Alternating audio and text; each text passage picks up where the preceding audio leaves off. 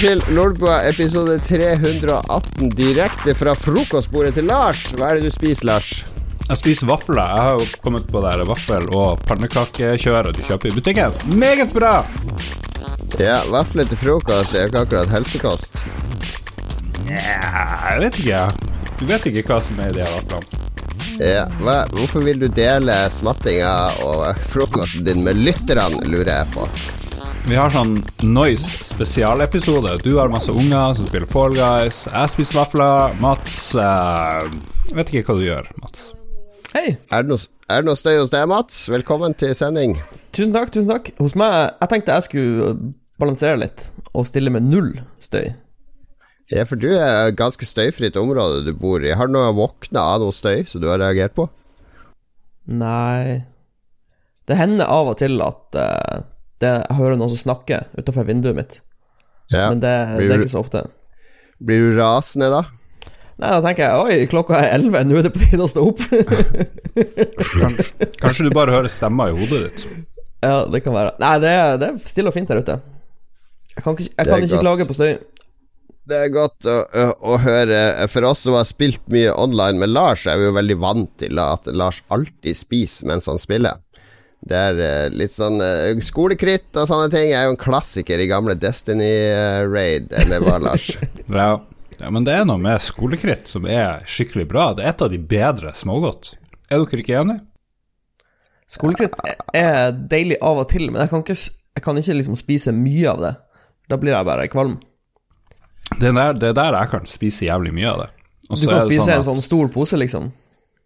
Blir ikke du, liksom, blir ikke du litt sliten i kjeven av det òg? Det krever jo Mm. litt kraft å, å spise dem. Jeg har veldig kraftige kjever. Ja. Og så er det sånn at hvis, hvis jeg spiser noe annet godt, og så skal jeg over på et tredje godt, så er det veldig bra med skolekritt mellom, for det frisker opp.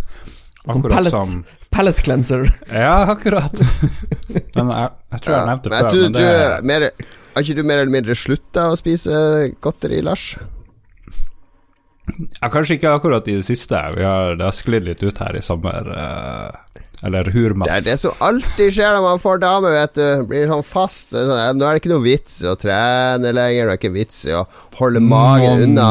Nå har jeg noen som aksepterer meg i livet, så nå er det bare å forfalle totalt. Ja. Jeg skylder på, jeg skylder på dårlig, dårlig vilje, dårlig selvkontroll Ja. og dårlige kompiser som tok med mye godt sist her. Skal ikke nevne navn. Det trenger ikke nevne navn. Hva er det som har skjedd siden sist, da, må vi jo gå gjennom. eh, Jeg kan også eh, friste med at vi debuterer en helt ny månedlig spalte i denne ukas Lolbua, som vi er litt spent på. En spalte som vi har tenkt skal vare i 40 år fremover. Så vi, vi får se. Altså, I hvert fall 20 år må vi klare å holde liv i den spalten, for da går vi gjennom mye moro. Eh, men det får du høre seinere. Først skal vi jo klirre litt i glasset til Lars. Hva er det du drikker til vaflene dine? Er det litt te, eller Peps, Pepsi og vafler til frokost, ja. Dette er dietten til en mann som nærmer seg 50. Dere vet han der Reidar, eller hva han heter for noe? Han Ja, det- Det er du, Lars. Ja. Uff. Lars er en voksen Reidar. Bare få eh, din, eh, din nye kjæreste til å bare stå med den vaffelpressa hele tida, så du kan rope fra podkasten 'Mer vafler'. Snurr i gang vaffelpressa, kjerring! Ja. Sånn skal det være. Hva har skjedd siden sist? Uh, Mats, du har jo vært offshore. Ja, jeg har vært på jobb som vanlig. Eh, det gikk fint. er det fortsatt veldig strenge sånne koronatiltak der? Det er det. Og jeg blir stadig overraska over at vi ikke har hatt noen tilfeller på vår plattform. Fordi ja. du har jo lest litt i avisen, det var ett utbrudd på West Phoenix, som er en sånn drillingrigg. Ja. Og så tenker jeg liksom, faen heller, vi, vi er jo et feltsenter. Det er jo absurd mye folk som surrer til og fra den plattformen vår. Og vi har ikke hatt ja, ja. et tilfelle. Er Og det ikke har sånn at um, uh, Hurtigruta kommer innom, og så kommer de opp på Jo, det, og det, det, er ikke, det er ikke langt unna at det skjer. Men det som er litt kult, var vi hadde et sånn uh, Vi hadde et sånn møte med Medicen uh, Når vi kom om bord, sånn velkommen om bord-møte. Og de har fått en sånn maskin nå hvor de kan teste etter koronavirus på én time. Oh, Oi, oi, oi! Ja, altså de, de har testa masse folk, men det er liksom ingen som tester positivt. Dette blir prioritert til de der eh, oljearbeiderne, mens vanlige folk Vi kommer ikke gjennom på koronatelefonen Ja, men han, han, det var faktisk noen som spurte om akkurat det der. Hvorfor er det så lettvint for oss å teste på jobb, mens hvis Ja. du skal prøve å gjøre det hjemme, så er det liksom eh, to dager kø. Og det har, med, Mm. det har med mengden tester å gjøre, fordi den maskinen kjører bare gjennom én og én test, men når de tester eh, i det offentlige, altså på litt større plasser, så kjører de mange tester gjennom maskinen, og da tar det mye lengre tid. Og så må de vente på å samle opp tester, ikke sant? De kan ikke bare kjøre gjennom syv tester, de vil gjerne ha 50. Så da må de liksom vente til de har testa litt flere Mam folk. mamma var jo i Sverige, og så fikk hun litt angst etter hun kom hjem. Så tok hun koronatest. Hun fikk, hun fikk time på to timer, så var hun testa, og neste ettermiddag så fikk hun svaret. Så det gikk sånn passe fort, syns jeg, da. Ja, jo da. Men det Nei, men det er noen, det er noen plasser Det er noen plasser det tar litt lengre tid. Ja, jeg fikk òg time dagen etter, og svaret dagen etter der igjen. Så det var ikke så mye stress. Men akkurat nå i Oslo, så, eller i hele landet, så er det jo on the rise, og der er det vel flere som ringer og har panikk. Ja. Ja. Jeg kom på noe jævlig interessant. Hva det var for noe? Jesus. Jeg kommer Må dele med klassen, Lars. Ja, jeg skulle dele med klassen. Og sånn her, eh, endelig følte jeg hadde noe. Har dere hatt den følelsen? Endelig har jeg Ja, noe å si. så Vanligvis har jeg ingenting å si. Ja, Og så mister du det. Motherfucker. Spis litt vaffel, du. Ja, jeg, skal, jeg, jeg planlegger å ferdig Apropos korona, planlegger å ferdig til uh, Finland, kanskje. Jeg skal ferdig å fly i morgen, og så kanskje Ja. ferdig til Finland. Jeg vet ikke, er det innafor? Bent Høie sier nei. Jeg tenker Eh, jeg ser, altså jeg, jeg kommer, Nå går vi over i hverandre, men det er akkurat det her som jeg også skal snakke om. da Fordi nå er det så sinnssykt mange på sosiale medier og sånn som bare Ja, nå Fy til de som reiser utenlands, fy til de som drar og fester, fy til ditt og datt. Eh, altså tenker jeg det, Myndighetene anbefaler jo ikke folk å fly. De anbefaler ikke folk å ta kollektivtransport. De anbefaler jo ikke å samles 20 stykk, selv om man kan det. Altså, alt eh, Hva var poenget? Jo, eh, det er så mange som er sinte på de som drar til utlandet, sånn som Finland. Men alle de andre tingene er jo like ille. Altså, å dra på en fest med 20 personer hjemme hos noen, eh, det er også høy risiko. Hvis én har det der, så får de andre det, uansett om man driver og holder en avstand. Man klarer ikke å holde en avstand når man er på fest, en meters avstand uansett, hvis man er på fest med 20, eller på et arrangement med 200. Ja, nå blir det jo Nå skal det jo bli sånn fadderuke og sånn òg, Ja, ja, ja, nå skal studentene starte opp og alt mulig sånn. Så det eneste du kan gjøre som du ikke skal skamme deg over, er å holde deg hjemme. Og ikke delta på arrangementer og eventer eller reise noen steder. Og så er det Føler du at du må gjøre det? Føler du at du må dra ut og, og møte folk hjemme hos noen, ti-tolv stykk, og drikke øl? Så gjør det, da. Men det er ikke anbefalt. Jeg syns det er helt greit å, å ha denne skammen at uh, ja, ja, jeg gjør dette, jeg drar til Finland, jeg skammer meg litt over det, men uh, bare du er bevisst på det, at det er ditt valg. ah, Pepsi Max. Mm. Pepsi Max, Finland, vafler. Ja. Mm -mm. Jeg tror ikke regjeringa anbefaler meg å spise vafler og drikke Pepsi Max heller, men jeg gjør jo det. Nei, det er masse regjeringa ikke anbefaler, men i denne koronatida så er det virker som mange er så opptatt med hva som er rett og galt. Det, er, det er rett at mange Nå er det sånn at det er mange er imot at disse utestedene skal stenge tolv, fordi da blir det hjemmefester i stedet. Jeg er for så vidt enig i det, da, men det, det eneste 100 rette, det er å holde deg hjemme. Det er det eneste 100% rette, der du ikke trenger å skamme deg over noe som helst. Så er det selvfølgelig kjempevanskelig for mange yrkesgrupper og sånne ting, og det skjønner jeg godt, det er jeg full sympati for. Men slutt altså spre sånn skyld og så peke på Nei, de gjør noe galt, og de gjør noe galt, nei, de gjør noe galt. Alle gjør noe galt. Alle gjør ting som man ikke burde gjøre i denne situasjonen vi er i. Eh, og så får vi heller bare håpe at de fleste prøver å være mest mulig fornuftige. Ja, og at Alle det skjer noe At vi kanskje får en vaksine om ikke så altfor lenge. Det, jeg ser for meg at det er den eneste skikkelige løsninga på det. For jeg tror vi kommer til å få sånne her bølgedaler fremover. Med, det går litt opp, og så går det litt ned, og så går det litt opp, og så går det litt ned. Mm. Jeg tror vi er om fem år samme opplegget. Omtrent samme Korona opplegget. 2025. Mm. Boy. Ja, eh, nå har vel han der eh, Sarch Hva heter han der eh, i USA som Trump er så glad i? Han Sarchi, Fauci. eller Fauci. Dr. Hva Fauci. Fauci, ja. Han, han har vel sagt at en vaksine antagelig ikke vil ha sånn der eh, 100% effekt som vi håper på. Uh-oh. han Anthony. Uh, ja, han Anthony Fauci han, han mener at den kan bare være delvis effektiv. ja, det er jo dårlig nytt, eh, folkens. At det kan bare funke i 50 eller 60% av tilfellene, er vel siste nytt uh, analyse fra, fra de der oppe. Så man Men 60 fortsatt ha- vil jo hjelpe veldig på, da. Ja da, ja da. Men man må fortsatt ha tiltak for å holde pandemien under kontroll. Så jeg, Ja. mener jo at vi skal, vi skal aldri mer klemme hverandre. Det, det er Men kan vi ikke bare gjøre sånn så Kan vi ikke bare kopiere Japan og begynne å booke til hverandre? Ja, slutt å håndhilse, slutt å klemme. Ok, Ja. Eh, Jeg skjønner jo at folk trenger nærhet, men da får du bruke familien din. De kan klemme hverandre, og så kan man slutte å klemme alle mulige venner. Sånn som det har blitt i sommer nå. Folk har jo plutselig fått sånne her 200 klemmevenner, mens du før hadde ti, fordi man er jo så, så desperat etter hudkontakt. hudkontakt. Du er jo singel, Mats. Jeg går ut fra at du får klemme litt på mamma og pappa og sånn.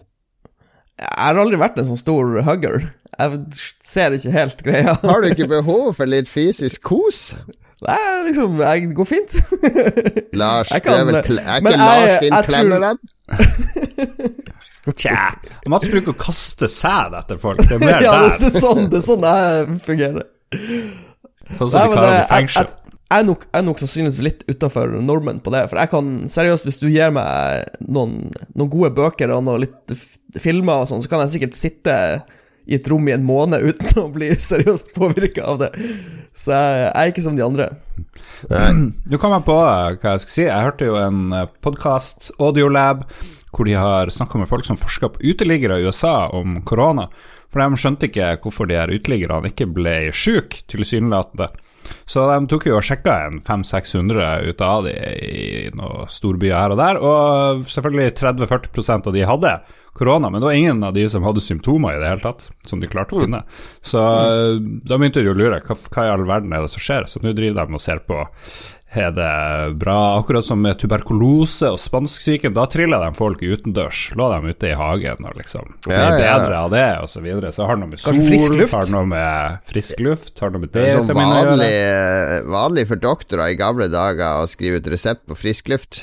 Ta deg en tur i skog og mark, så skal du se at dette går over. Men da har jo vi i Norden en liten fordel, fordi det som er vanlig i Norden med ungene, er at du setter bare et vogna ute om vinteren, liksom. Så sovner ungene for det er så kaldt. Kanskje vi har oppbygd en sånn enorm eh, motstand mot eh, virus av det. Jeg hadde jo noen unger på besøk her, og de var jo ikke ute et sekund hvis de ikke måtte. Så jeg vet ikke hvor mye ute Spedbarn kanskje ute? Hva? Ja, men kanskje vi, kanskje vi får en sånn boost av det, Ja. som vi tar med oss. De fleste har det vel kom for komfortabelt hjemme nå. Du har tilgang til alt, og har du internett. Som Jokke sang, har du internett og har du, eh, har du et kjøleskap og har du internett, så har du det du trenger for å leve. Det hadde han sunget i Her kommer vinteren anno 2020.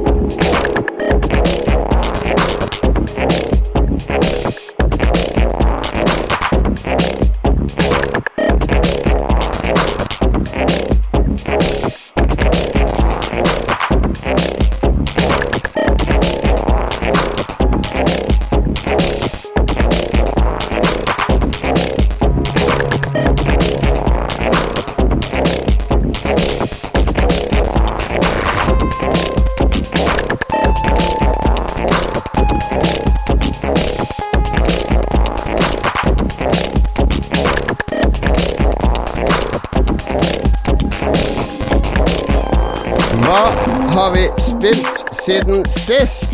Det jeg gjerne skulle sagt at jeg hadde spilt siden sist, her er jo Flight Simulator 2020, så jeg har sittet himmel og helvete i bevegelse for å prøve å få tak i så tidlig som mulig. Jeg har kontakta alle mine venner i Microsoft. Jeg har tilbudt meg å skrive anmeldelser av det for folk for å få anmeldekopi. Eh, Jeg har hørt rykter om at jeg kanskje får et eksemplar eh, mandag, altså i morgen. Vi spiller inn det her på en søndag.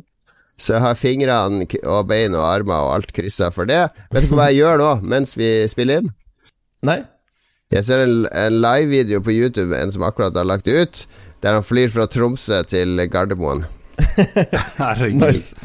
Nå må du skjerpe deg, nå må du fokusere. Typisk det å ikke følge med når vi spiller inn. Jeg følger med, jeg følger med. Han er fortsatt bare i takeoff-prosedyrene og trykker på masse knapper i jeg flyr han et sånt stort passasjerfly? Ja, jeg flyr jo med en Airbus A320, er det vel.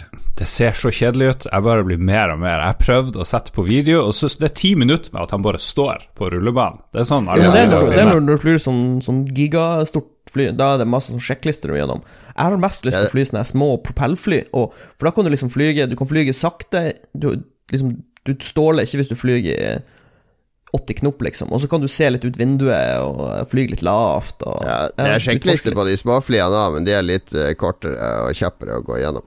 Ja. Men, men, vi får se når det kommer. Det blir videoer fra Lolbua. Men det jeg har spilt i det siste, er verdens dårligste spill, nemlig Fall Guys. Verdens dårligste spill, og nå tar litt i. Var det ikke det? Ja. Det er jo den ser store farsotten. En stor, Ja. stor farsott nå fra Devolver Digital, som er publisher. En sånn 60-player Battle Royale, der man skal løpe rundt som hodeløse høns på banen og prøve å komme i mål, mens en masse random folk står i veien og dytter deg utfor stup og, og sånne ting. Ja. Noen folk digger det, ser jeg. Jeg ser det er mange som digger det. Jeg kan ikke, jeg kan ikke fatte hvorfor folk digger det spillet her. Nei, vi, Altså, jeg- vi jeg har jo det gøy.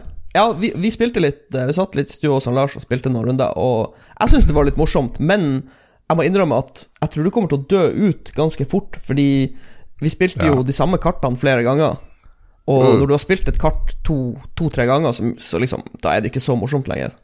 Ja, det mangler et eller annet. Jeg vet ikke hvor mange baner det er, men det er tydeligvis ikke nok. Men uansett om det hadde vært 5000 baner, jeg hadde jo blitt lei, for det er jo liksom bare random springing og knuffing, og så er det ferdig, liksom. Ja. Det mangler eh, noe som helst måte å bli flink på. Fordi det er 90% random om du klarer å kvalifisere deg eller ikke. Det går greit at du kan banen. Det må du, fordi det er så dårlig kamera i det spillet òg. Det er noen baner der det er sånn oppoverbakke du løper opp som bare Å, yes, yes, jeg er på tredjeplass! Og så er det sånn På toppen av oppoverbakken så er det en sånn liten sprekk på en meter du skal hoppe over, så du ikke kan se, fordi kameraet er så jævla lavt. Så de første gangene du løper opp den bakken, bare, er du bare så stressa med Å, jeg må holde posisjonen min, og så bare detter du ned et hull du ikke kan Ja, men det er jo med vilje. Det er jo med vilje. Nei, det er ikke med vilje. Det er bare, det er bare sånn nok et spark i balla fra de som har laga det spillet, som gjør at det ikke er morsomt. Fordi det er greit, jeg er elendig i Warzone. Jeg er ikke en veldig flink spiller. Jeg kommer aldri til å bli på Mats sitt nivå. Men når jeg taper og blir skutt etter camper eller whatever, hver gang jeg går gjennom noe sånt i Warzone, så føler jeg at jeg lærer noe som jeg kan bruke til å forbedre meg sjøl. Jeg har jo blitt mye flinkere med et Ja, halvt år med Warzone, men Fall Guy Jeg er sikker på om jeg spiller det i et halvt år, Kanskje jeg kan kvalifisere meg 10% oftere, men det vil alltid være en sånn idiot som står Det er noen som har funnet ut nå at det morsomste de vet, det er å stille seg i sånn døråpning hvis de er to-tre som spiller sammen, og så bare sperre så folk ikke skal løpe forbi. De driter i å kvalifisere seg sjøl, vi skal bare ødelegge for de andre. Det er ikke gøy! Det er Det er, det er det er et spill. Det er, det er kjedelig for de 59 som taper, og så er det gøy for han ene som vinner. Ja, det det er artig de liksom fem første ganger du spiller, og så er det litt kjedelig eh, Hvis ikke jeg har one misforstått Ja, men, men, men Ja, her er et poeng. Jeg tror også det er morsommere hvis du sitter en gjeng og spiller det, enn å sitte alene og spille det. Jeg tror ikke jeg hadde jeg, giddet jeg å hadde sitte syntes det var kjempemorsomt å se en stream med Mats der du spiller det, og bli skikkelig sint, Ja, og kaste ja. kontrollen i veggen. Det er det morsomme! Å se Ja. andre bli sint og Ja, rasende. og bli frustrert vil, det er et spill jeg absolutt ikke vil spille sjøl. Jeg vil gjerne se andre klikke i vinkel. Åh, en stream med Doug Thomas som spiller Fall Guys, det hadde vært bra. Ja, det, det er jo litt som de her Jeg vet ikke om dere har sett de her eh, klatrespillene, hvor du skal liksom komme deg opp. Altså, du styrer han der, enten han er fyren i bøtta, Han er- eller han, han som driver og bøtta. hopper. Ja. Ja. Ja. Det er morsomt å se på streams hvor liksom folk bare detter ned. Altså mister de en time, for de detter ned eh, 18 skjermer, liksom, så de har klort seg opp. ja, ja. Det er litt samme prinsippet der. Nei, det er et spill bygd på skadefryd. Og skadefryd er, eh, burde være en av de syv dødssyndene. Det er Det er den åttende dødssynden. Ja, vi, kan bytte, vi kan bytte ut eh, De er syv dødssyndene, det er altfor mange. Ja, hva er det vi kan bytte ut der? For noen av de må jo være uh, utdatert. Ja. Dødssyndene, hva er de åtte? Det ene er sånn uh, grådighet, at du går og eter masse. Hovmod, grådighet, begjær, misunnelse, fråtseri. Uh, vrede, latskap. Jeg foreslår vrede, det må være lov sin- Nei, latskap. Må, Nå er det korona. Nå er det korona, så latskap er blitt en dyd. Jeg gidder ikke å gå ut. Jeg gidder ikke å dra på jeg, jobb. skal, jeg skal hjelpe samfunnet med korona, så jeg skal være inne og ikke Ja. gjøre noe. Vi bytter ut Her vi ut latskap og erstatter den med skade, skadefryd. Så det å, å glede seg over andres sorg, det er nå ut. Ja, det er nå offisielt. Offisielt, jeg sender mail til kirka, eller hvem er det som bestemmer over disse dødssyndene? Jeg tror det er Justervesenet. Jeg tror det er Wikipedia. Juster, Justervesenet Jimmy Wales sender jeg mail til, og så Justervesenet. Det er de nabolaget her som jobber i Justervesenet. Skal høre med han om det Ja.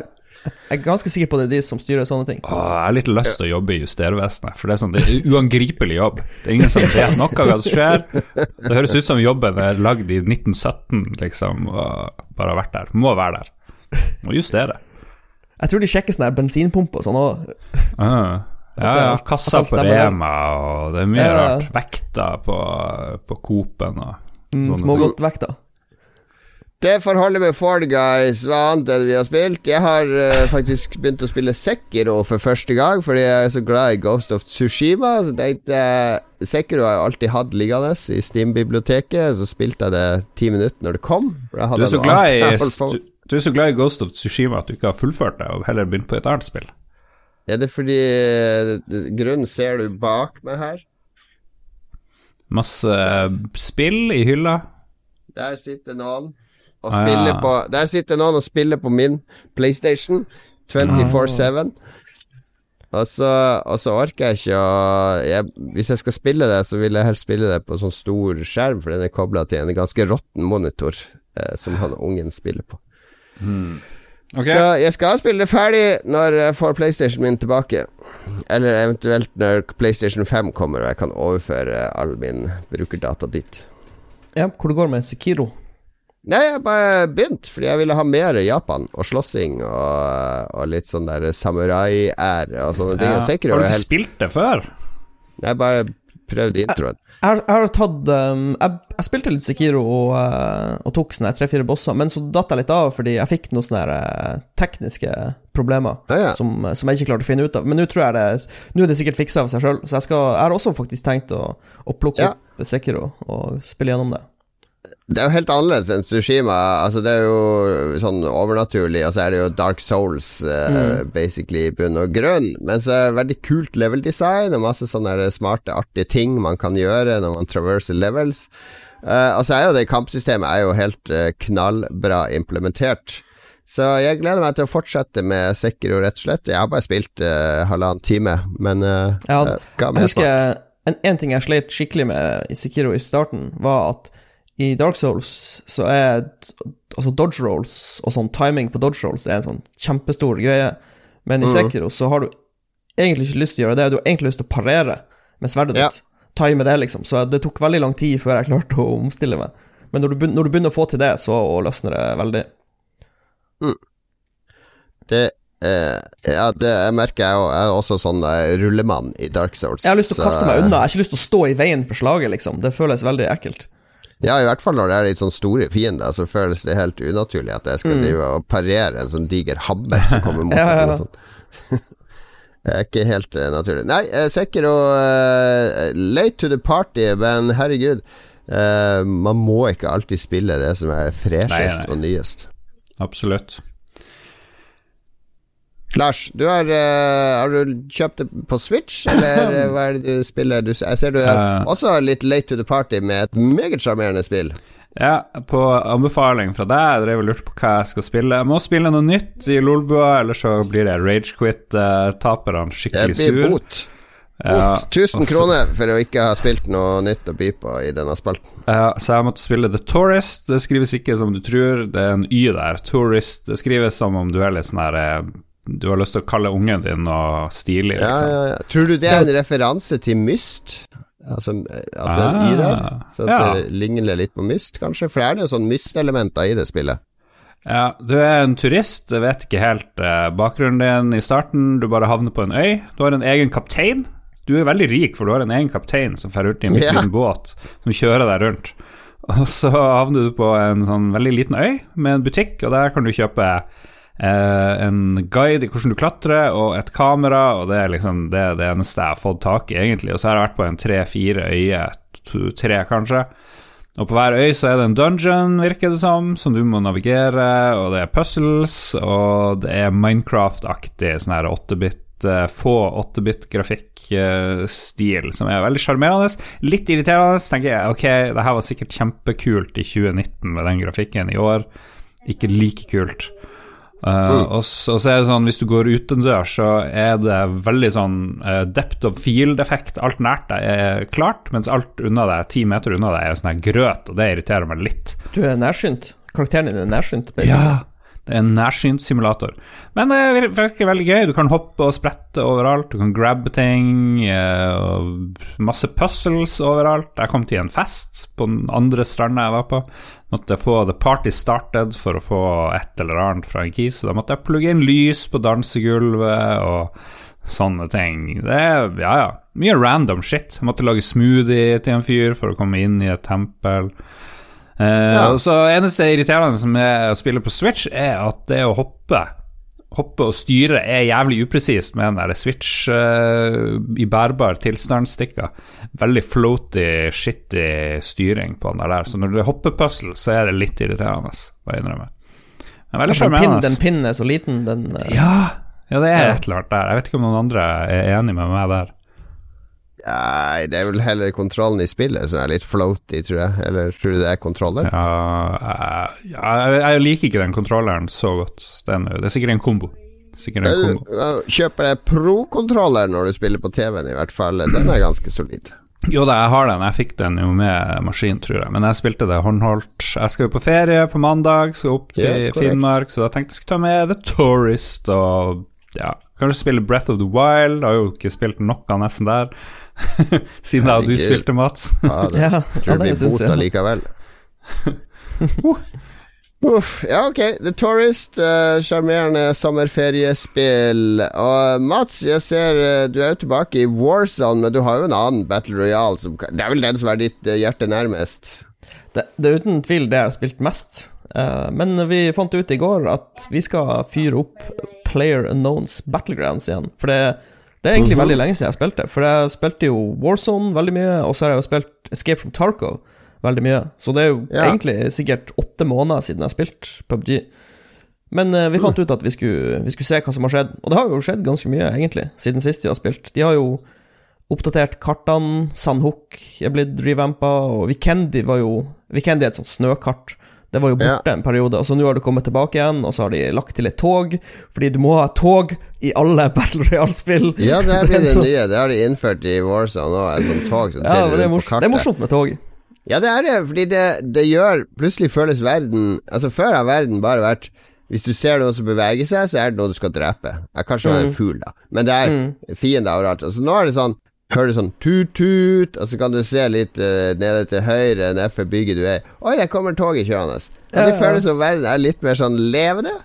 Ja, jeg vet ikke. Ja, det, det, gir noe til det, i hvert fall. Eh, mm. Uh, men det eneste Jeg har ikke så mye å si. Altså, PubG er PubG. Det, det, det er essensen det samme spillet som det var for to år siden. Men jeg har glemt av litt, uh, for jeg har jo spilt mye Warzone, som nevnt, og der er jo våpenhåndteringa ganske snill i Call of Duty-spillene når du skyter sånn fullautovåpen. De er jo veldig sånn presis, det er ikke så mye rekyl.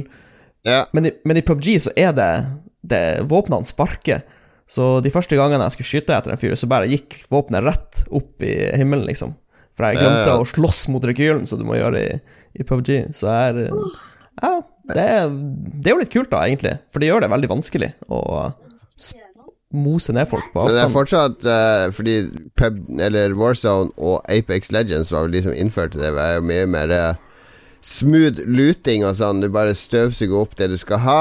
Det er ikke sånn add-ons på våpen. Er det fortsatt ja. sånn at de PubG-våpnene, så skal du sitte tre minutter i hver runde? Ja, ah, der fikk jeg riktig scope. Å nei, de har, de, har, de, har, de har gjort det litt smidigere, for det de har gjort nå, er at de har lagt til en option som gjør at ja. når du har et våpen i hendene dine La oss si du har et våpen uten noen attachments, og så springer mm -hmm. du rundt, og så ligger det attachments på bakken. De har gjort det sånn at nå, hvis, hvis, du plukker opp en attachment, og det er ledig slått på våpenet ditt, så bare flyr den rett på våpenet, sånn som i Apex. Ja, nettopp. Ja, mm. Så det, det, har gjort det veldig smidig. Så det, det er ikke, ikke så sånn, uh, De har ikke innført loadouten, som jo er den store marsipangrisen i Warzone. Nei. Det nærmeste du kommer loadout, er De har adda en sånn loot truck som kjører rundt Jeg vet ikke om han er på alle kartene, den er i hvert fall på Sandhook. Det er en sånn pansra Ja. bil som kjører rundt, og så detter sånn eske ut av den ja. med lut i. Det er liksom Er det, sånn nærmeste du isbil? Kan du Ja, høre det er når den kommer? det er sånn drøng, ding, ding, drøng, ding, ding. Den, den har skuffende lite sånn theme music, men den ser litt ut som en sånn Mad Max-bil som ruller rundt. Men er ja, morsom, morsom sak. Men hvis du, hvis, du, eh, hvis du ikke har spilt PubG på en stund, så er det faktisk litt eh, fresht å plukke det opp nå. Men Ga det mersmak, eller blir det med de to uh, gjenbesøkene? Nei da, jeg har, lyst til å, lyst til å spille det mer, men det er så vanskelig å balansere de her Battle Royale-spillene. Spesielt når de er så forskjellige, mekanisk forskjellige på, på skytinga. For du liksom Ja, ja, Jeg merker at jeg er mye bedre, jeg er mye bedre i Warzone nå enn jeg er i PubG, for å si det sånn. Har jo sett rangeringslista di her. Hvis du først skal spille et uh, sånn Battle Royale-spill på kvelden, så er det først er det selvfølgelig Fall Guys. Det får jo første pri. Og så hvis du går litt lei av det, så er det Warzone, og så er det PubG. Ja, det høres rett ut. Beklager, jeg detter ut når dere prater om uh, sånn her eh, drit. Hva? Uh, jeg har jo aldri spilt de her spillene der. Det er jo liksom Jeg må, gjøre, jeg må spille litt Warzone. Skal Ja, liksom ja, ha ja. Det er bare å frigjøre eh, 3000 gigabyte plass på PlayStation eller Ja. PC-en din, og så det bare begynne å spille. For det tar jo så sinnssykt mye plass. Ja, men hva skjer med lagringsplassen til Warzone? Ja. Dude. What's up, Activision? Fix, please.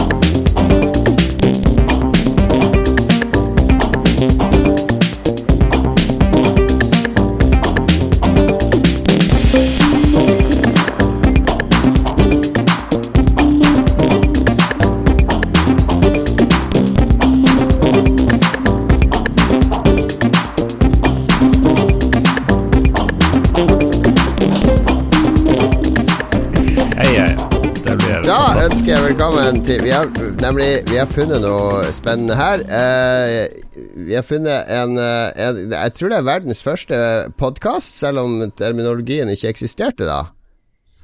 Nei. Nei, vi skal reise langt tilbake i tid. Ja, fordi det vi har funnet, er en kiste. Jeg har rydda, rydda loftet etter eh, min far døde, så jeg har fortsatt masse esker eh, som han hadde der. Og i den ene fant jeg masse kassetter med noe som heter Gulbua.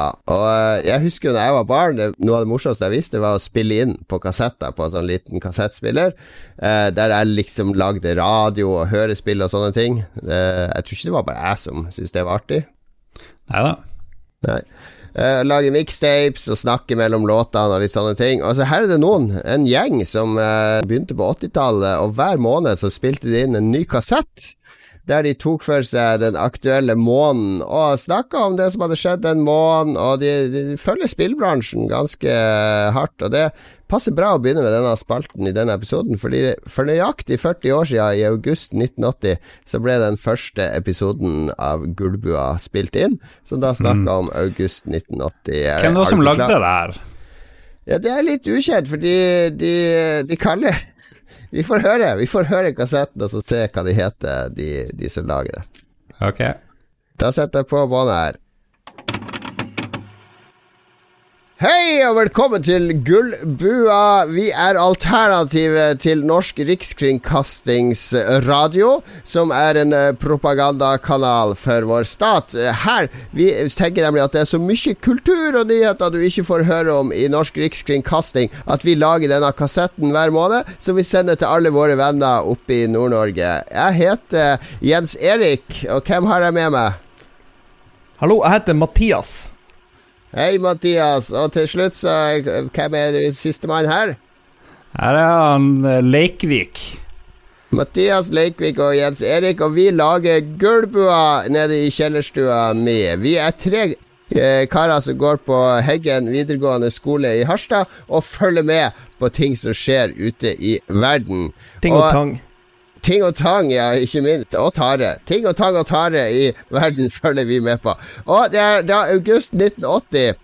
Og hva syns dere om denne måneden, karer? Hæ? Vi har fått verdens første kvinnelige president har blitt valgt. Nå står ikke verden til påske. Vigdis Finnbogadottir har blitt president i Island. Oh, Jesus Christ, hvordan skal det gå? Nå går det ja. nedover med Island, altså kvinner ja, i lederposisjon. Hva blir det neste? Skal de, skal de uh, uh, velge en, en, svart mann til president? Helt uh, Nei, nå står ikke verden til påske, altså.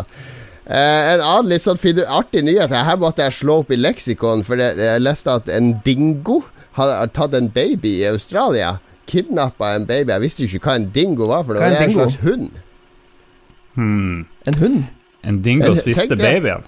En sånn vill hund som tok en baby i Australia eh, syns, denne måneden. Jeg syns det her høres høyst usannsynlig ut, og spørs, det spørs om folk blir å tro på at uh, en hund har stjålet babyen hennes. Ja, jeg, jeg, jeg, tror det er uh, en falsk nyhet, rett og slett. Ja. Falsk nyhet, fins det? Nei, det er jeg stoler på alt som ja, kommer i massemedia. Hvis det står i avisen, så må det jo ja. være sant. Jeg er enig. Hvis det er på trykk, så er det sant. Jeg er helt enig.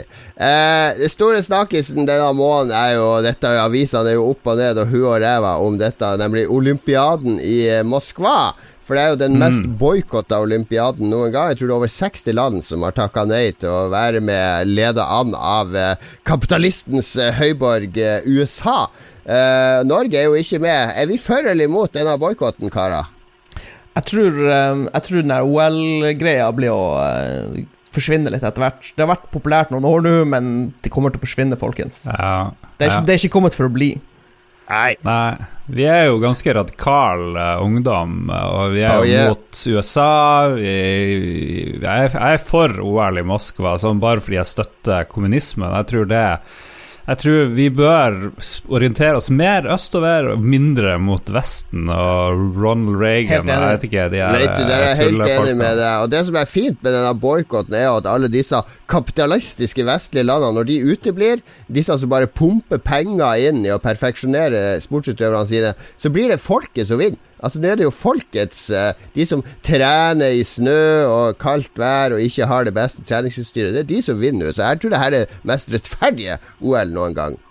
Det er det. Er Yes. Nei, jeg, jeg, støtter Gabons president Omar Bongo, eh, så han er veldig mot eh, USA, blant annet. Så go, go Omar Bongo.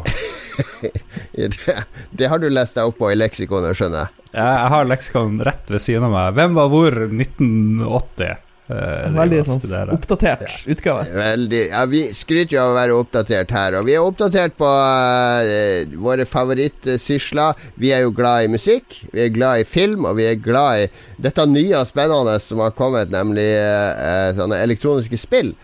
Som man bl.a. kan spille på American Chicken and Burger her nede i Harstad, men også det fins noen sånne hjemmemaskiner som har kommet. Men la oss ta musikken først. Det har vært litt kjedelig musikkår så langt.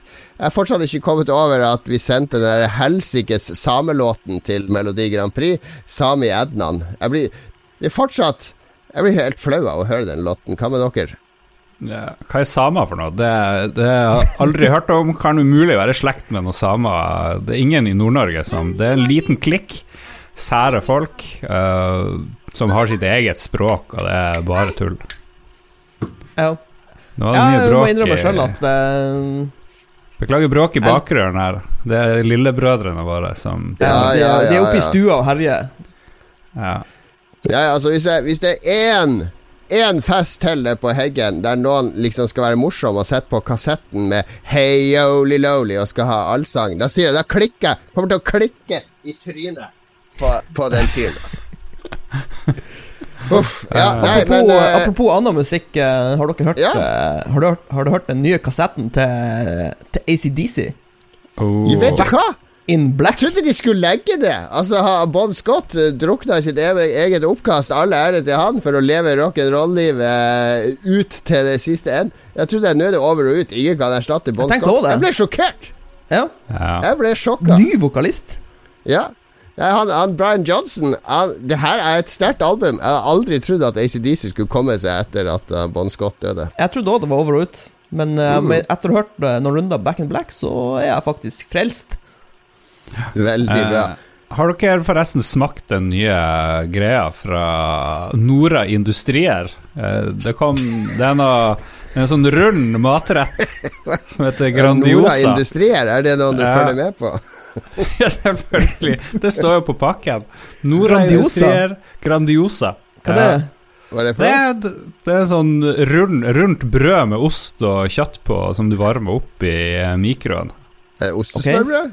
Som ei Ja, brødskive? stort, ferdiglagd ostesmørbrød. Som ei brødskive? Ja, bare kjempestort. Det er som en LP-plate. Men hva det heter Grandi Grandisa? Ja, det er noe sånt. Det, Ja, det er har de det på Rema? Noe, Eh, jeg vet ikke hva Rema er. Rimi? Hva er det du snakker om? Jeg blander, Du får det på jeg blander jeg, Du, du får det på samvirkelaget. så, Ok. Jo, de har det på samvirkelaget. Ja, vi, får, vi, vi er jo åpne for nye impulser, ikke sant? Så vi, hvis det har sånn utenlandsk navn, så er det jo noe fresht og spennende som kan erstatte de kjedelige kjøttkakene og torsken som uh, våre Ja. foreldre, imperialistene, presser på oss unge menn. Jeg bare håper Ja. de ikke har på noe sånne grønnsaker eller noe sånt. At det bare er ost og kjøtt. Ja, det er noe Ja. rødt hvorpå. Som Jeg tror det er farga gulrøtter. Ekstra for sterk gulrøttfarge. Ok, nok om Grandiosa. den, vi lover å teste den Grandisaen til neste gang. Vi går jo på kino når vi kan. Harstad kino, drittkino. Eh, dårlig sal og altfor seint ute med filmer. Men jeg vet du har vært to ganger på samme filmen denne måneden, Lars. Ja, eh, skal vi se Vent litt hva det var jeg også så. Eh, ja, Smokey and the Bandit 2. Whoop, whoop. Eh, verdens beste film. Verdens Ja, beste er, den bedre, er den bedre enn den første? Er bedre enn eneren? Selvfølgelig er den bedre enn eneren. Det er flere biler, det er mer Smoke, det er mer Bandit, og Burt Reynolds er med fremdeles, og politimannen, og, og Frog, hva heter det for noe? Og dama er forelska jo. Oi, oi, Ja, oi. ja, ja. Jeg gleder meg til jeg blir kjønnsmoden og kan uh, runke nivåen. Ok, nå, nå delte du litt mye her på kassetten, men greit nok. Eh, I Gullbua så er det høy takhøyde for å dele. Er, vi hater jo USA, da, men jeg må jo innrømme når jeg ser sånne her filmer, så har jeg litt lyst til å flytte til USA. Eh, blitt, jeg kunne blitt han trailersjåføren. Lars, du kunne få deg bra dame og kjørt rundt i den bilen. Mats, hva, skal du være han sinte sheriffen som jakter på oss? Jeg, jeg vil sitte og bare rope på radioen hele tida. Kan jeg være sånn radiomann? 19. Ja. Ja, ja, Du ja. Jeg kan sitte i lastebilen til noen og være på radioen. Dedikert Ja. radiomann. Nei, men jeg tror Jeg har hørt at det er sånn i USA. Altså, de, de driver og kjører helt villmann der borte. Det er sånne biljakter hele tida. Jeg tror det. Ja. Det kunne Det vært vært et konsept at de gir ut sånne, eh, eh, sånn eh, kassetter med biljakter. Tror du ikke det hadde slått an? Ja, verdens villeste biljakter kunne de samla på en sånn kassett. Og så hadde sånn stemme oppå som, som fortalte hva som skjedde. Det Ja. tror jeg er et bra konsept. Det burde du Mhm. trademark. Eh, Ja, dette burde vi undersøke litt. ja. Uh, ja, jeg har sett en kul film denne måneden, nemlig The Final Countdown. Det er akkurat det jeg liker. Litt science fiction, vet du. Eh, Etter Star Wars så har jeg knapt klart å nyte noe annet enn eh, filmer som, som har litt sånn vitenskaps- eller fremtidsvitenskap i seg. Veldig kult konsept, denne filmen. De sender en atomubåt, en moderne atomubåt, tilbake i tid til andre verdenskrig. For å liksom endre historiens gang. Det liker jeg. Tidsreiser. Å, fantastisk. Det, Hvilken det høres ut som en eh, kvalitetsfilm. Ja. La oss si vi hadde en tidsmaskin her og nå og kunne reise 40 år frem i tid. Åssen tror dere verden ser ut i 2020? Er det sånn som Åh, det er langt i, unna. Ja, Vi vet jo at vi har vært på månen. Eh, vi har vært på Mars, antagelig. Mars må jo være kolonisert. Vi har jo sett 2010. Eh, Mm. en, er, hva har skjedd? Jeg tror det er Eh, veldig mye sexroboter overalt.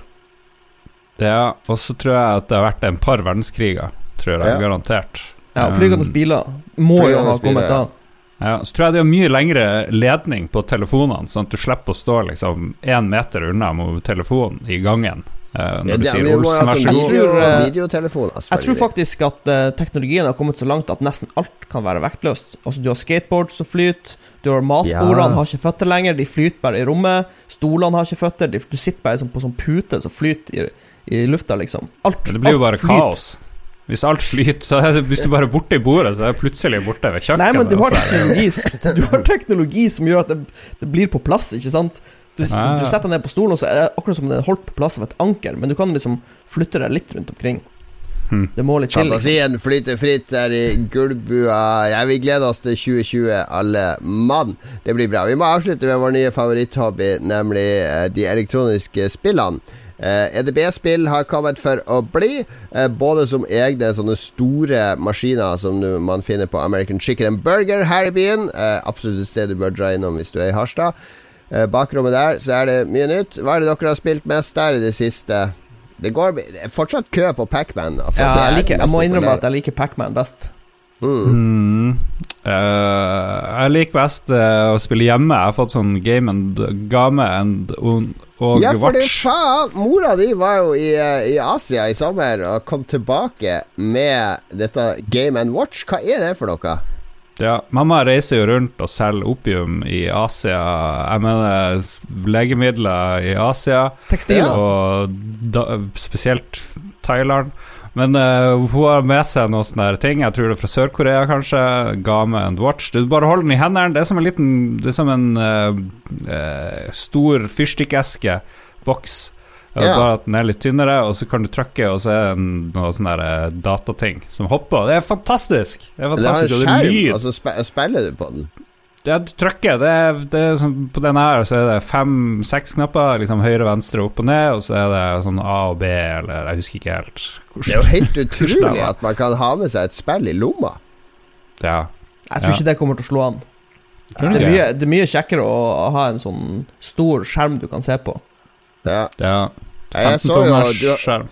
du hadde den jo med deg på første skoledag nå etter sommerferien, og du ble rimelig populær når du dro fram den eh, blant gutta i klassen.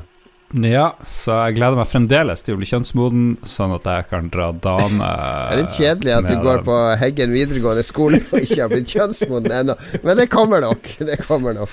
Jeg er litt. Leikvik bare, bare Du må bare være tålmodig. Ja.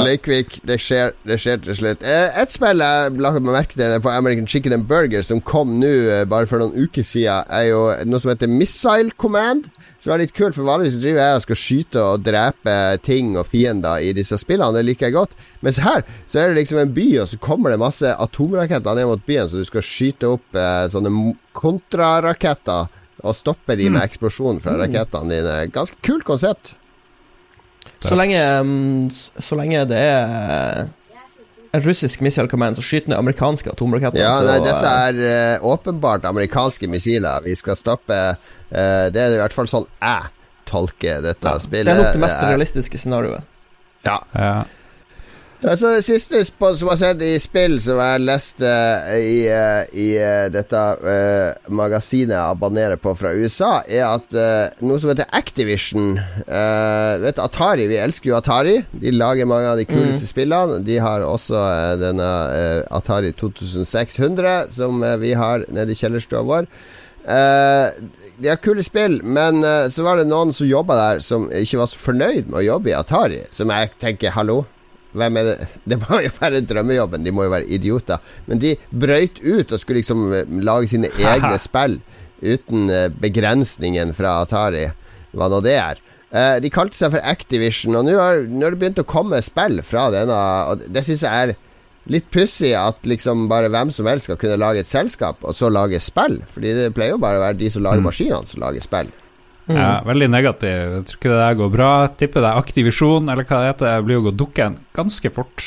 Ja, Aktivisjon, skjerp dere. Ta heller og lag deres egen spillemaskin. Så, så Ja. kan dere begynne å lage spill. Du kan ikke bare sitte og lage spill uten å ha en spillemaskin. Ja. Så håper jeg det kommer mange flere spill du, til Atari og sånn. Jeg syns det er altfor lite, så jeg håper det kommer sånn Yes. 2000 spill på ett år. Det tror jeg vil funke dritbra. Det er, det er helt enig i. 2600 forever her hos oss. Ja. By the way, jeg skal fære i morgen og skal jeg se den der eh, Jeg blir tvunget med av uh, søskenbarn. Jeg må se den der Elva leve. Aner ikke hva det er. Uh, den kommer ut nå, eller har kommet. Jeg vet ikke. Noe sånt. Jeg vet ikke La hva elva det leve. Ja, ja. Hva er det Veldig for noe? Det er jo den der uh, sameopprøret oppe i Nord-Norge om, eh, om et sånt vassdrag der oppe, er det ikke det? En dokumentar? Her, er det opprør fra, fra samene? Ja, nei, de er jo mot fremgang, disse samene, så de vil jo heller ha en elv så de kan bade i, enn at den skal lage strøm. Løsninga er jo åpenbar, vi må bare kjøpe dem litt Atari-maskiner, så roer det seg ned. Send Atari-maskiner til Sama, så blir det fred og ro å få, og bannlys Sami Ednan fra radio. Og det var det vi hadde i uh, gullbua fra her fra august 1980. Vi høres igjen i september, og hvis du vil abonnere på, uh, på kassetten vår, så kan du sende, send uh, frimerker for 20 kroner i en konvolutt til oss til meg. Jens Erik Fransen, eh, Utsikten 12 9400 Harstad. Vi snakkes! Ha det, karer. Takk for oss. Ha det. Det var dritartig.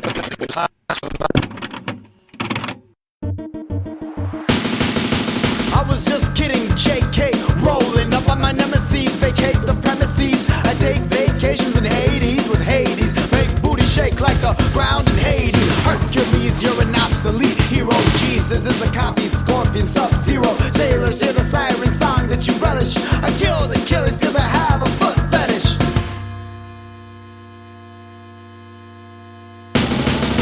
Now we're back in the beats on full blast. I take over these streets like critical mass. Divide by volume, you're so fucking dense. Your uranium, mine is hydrogen. Conquest, I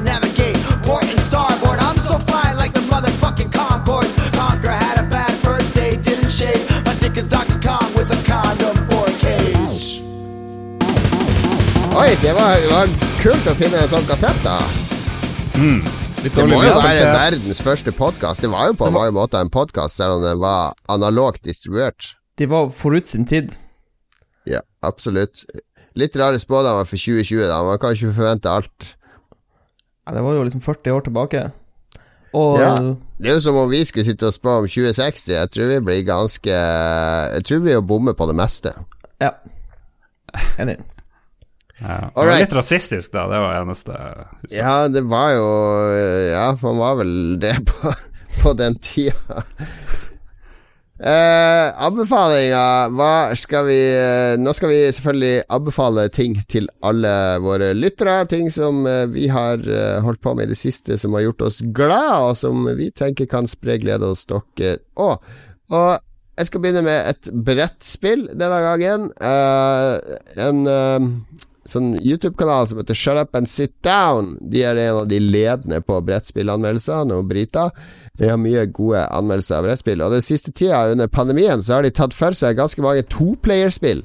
Fordi når man ikke skal samles i større grupper, og det er eh, smart. social distancing og alt sånn, så er det kanskje litt bedre med sånne intime spill som man kan spille hjemme sammen med samboeren, eller ha én venn på besøk, eller noe sånt.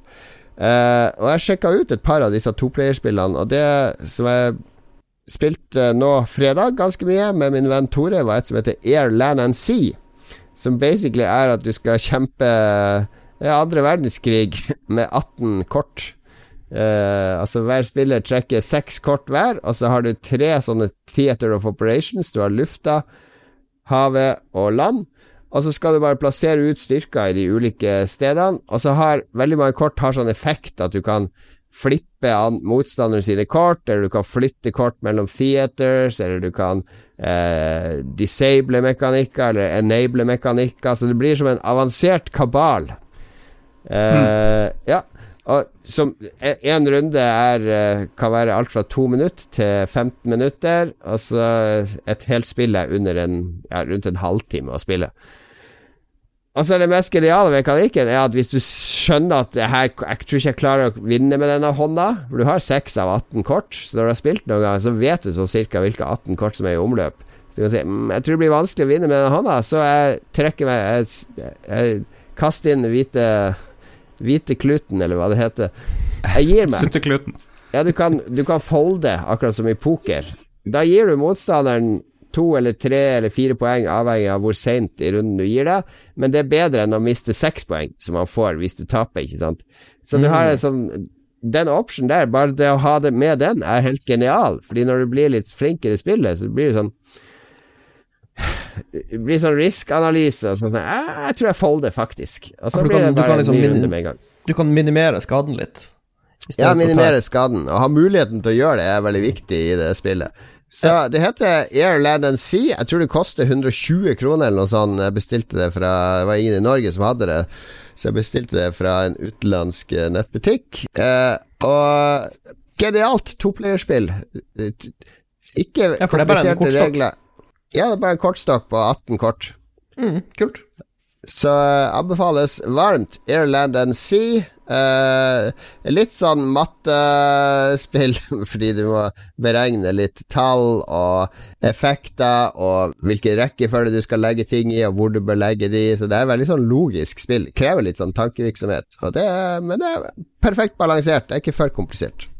Det er veldig for spill som ikke varer i syv timer. sånt. Du spilte jo et annet eh, brettspill òg i helga, jeg vet ikke hvor lenge det varte. Det var gode gamle Twilight Struggle som, vi, som jeg og min venn Tore spilte. Det varte en stund, og det varte jo ikke noe kortere av at vi satt Vi klarte å drikke en hel flaske whisky i løpet av det spillet, og det var faktisk en ny flaske med whisky som var tom når vi var ferdig, men da Det er et spill der det ene er Sovjet og det andre er USA, så du spiller gjennom hele den kalde krigen med tusenvis, eller massevis av events fra krigen, som Castro og Iran-Irak-krig og boikott av OL og alt mulig sånn. Og påvirker maktbalansen hele tida. Du skal ikke krige, det er kald krig, så du skal kunne ha influens i land og drive med kupp og sånne Spioner ting. og Ja, det er et veldig veldig bra spill, men det er langt tyngre enn det andre her. Og det blir ikke Men jeg anbefaler å drikke whisky når man spiller det spillet. Skåle i Du blir så paranoid av det spillet. Du, hver gang motstanderen gjør det og nøttplasserer ut litt influens her i Asia, så bare Hæ, hva er, det, hva er det som skjer i Asia? Vi må også ha influens i Asia. Hæ, hva er det som, hvorfor driver han på i Mellom-Amerika nå? Vi må også send, send folk ned dit! Finn ut hva som skjer. Det, jeg vil, ha, jeg vil ha boots on the ground. ja, men det er, det er akkurat sånn det var, ikke sant? Fordi de drev og overvåka hverandre hele tida. Hvorfor er de interessert der borte da? Hva er det som skjer der? Finn ut! Må bare alltid ha sånn balanse i ting, og ikke gi slipp på områder til kommunismen eller kapitalismen. Det høres litt artig ut, men det varer i sånn seks-syv timer, så da eh, vet jeg ikke om det er for Lars. Men det Er det, virker som dere hadde er, det gøy. er det noe du kan gjøre som varer i seks-syv timer, Lars, bortsett fra Terrace Hvordan House holder du ut- Marathon. Hvordan holder du ut å gå på jobb, f.eks.? jobb òg varer jo seks-syv timer hver dag. Mm, jobb er litt annerledes. Nå flyr jo tida forbi når jeg er på jobb. Det har aldri gått så fort og vært så artig å være på jobb som når jeg liksom er en av de som bestemmer, bestemmer det meste. Så det anbefales. Ja. Så det går bra. Ja. Jeg kan ta anbefale en bokserie. Jeg har For en stund siden så leste jeg noe som heter Honor Harrington-serien. Eh, Ei dame som eh, lever sånn noen tusen år etter eh, oss, i rundt år 4000 eller noe greier. Og da er alt selvfølgelig Man kan kjøre romskip i 500 G eh, og sånne helt syke ting. Så kan de fly masse fortere enn lysets hastighet og alt mulig rart. Eh, akkurat det stusser jeg litt på. Det er sikkert en god forklaring i bøkene, men jeg skjønner ikke hvorfor ikke alle andre blir eldre når de flyr i sånn her ørten lysets hastighet eh, fart osv. Det er sikkert noen sånn Star Wars hyperspace-forklaringer der. Men uansett, det er militær eh, science fiction, veldig mye romslag. Mye torpedoer som flyr hit og dit, skjold som må repareres, mye damage control. Eh, I den første boka så dør vel over halvparten av de som er i romskipet. spoiler alert. Eh, hovedpersonen overlever, kan jeg røpe. Jeg tror det er sånn 20 bøker. Mens noen forfattere er som George R.R. Martin og bruker ti år på å fullføre bøkene sine, så har han her eh, David Webber, eller hva han heter, skal vi se. Uh, ja, David Webber. Han uh, skriver sikkert ti bøker i året, eller et eller annet. Ja. Han har masse ulike serier, spyr ut. Ganske sånn lettbent, ikke, ikke dårlig, ikke verdens beste bøker heller, men det er sånn New York Times bestselgeraktig nivå på mye av det han skriver, så de er ganske populære. Og så døde jo vår kompis Jens Arthur i fjor, eh, så han donerte masse av de her bøkene til eh, Lill Irén, som igjen hadde alle de her bøkene, så hun ga meg en sånn 20-ish eh, bøker, minst, tror jeg, som han har skrevet. Så jeg har liksom begynt nå da å mose på. Selv om jeg har lest de der to-tre første fra før av, så begynte jeg på nytt nå. Nå er jeg på bok to. Jeg syns bok én var eh, humoristisk. Uh, nummer to, der uh, må Honor Harrington være med på et diplomatisk eh, mission til et sånn twin planet-system, hvor alle som bor der, kommer fra sånne gamle kolonister som dro ut fra jorda. Fordi de var sånne religiøse nutcases, så de hater De, de styrer etter Det gamle testamentet, da. så Og så er det selvfølgelig et annet uh, imperie som støtter dem, og så skal Honor Harrington prøve å få diplomatisk fotfeste på denne planeten, men så er hun kvinne, så det er litt sånn Det er litt bruduljer der, da. og Ja. Ok, vi er i år 4000, og damen sliter fortsatt. Ja. Oh no. Veldig realistisk. realistisk, jeg, har sånn et, jeg har et spørsmål. Uh, er det mormonere med? De kunne nesten vært mormonere, de her De folkene. gamle men om- testamentefolkene? Eh, ja, kanskje Jeg tror mormonerne er litt mer fornuftige enn de her, her folkene. Så hvordan de har overlevd ute i verdensrommet i tror jeg De har bodd der i 900 år på en sånn planet, men de, de går rundt med hest og kjerre-aktige romskip, mens de andre har mye bedre. Men jeg, jeg gleder meg. Det er sånn fin ferie, ferienivå på det her. Ja. Bra. Bok er viktig når det er ferie. Har du fylt opp Kindlen før du skal på ferie nå, Lars? De her bøkene her er jo fysisk, så jeg bare drar med meg noen fysiske bøker. Men jeg skal selvfølgelig ha med eh, Kindlen. Jeg skal lese den nye William Gibson-boka, som jeg ikke husker hva heter. Det Det er er jo- til Peripheral. Ja, jeg elsker jo William Gibson. Jeg syns han er fantastisk for tida. Så den, den blir å lese i sommer. Ja, han er en fin eh, Twitter òg, William Gibson. Ja, mye, mye kult han linker til der. Til slutt, Mats! Ja. Matsui! Mats Ja. Rindal. That's me. Jeg har også ei bokanbefaling, faktisk. Oi, oi, oi, det er to lesehester i ukas Lolbua. bok, bok, bok.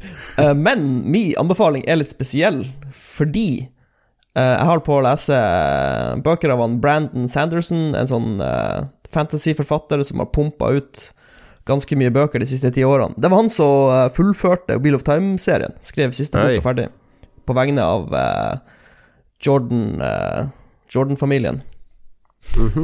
Michael Jordan-familien.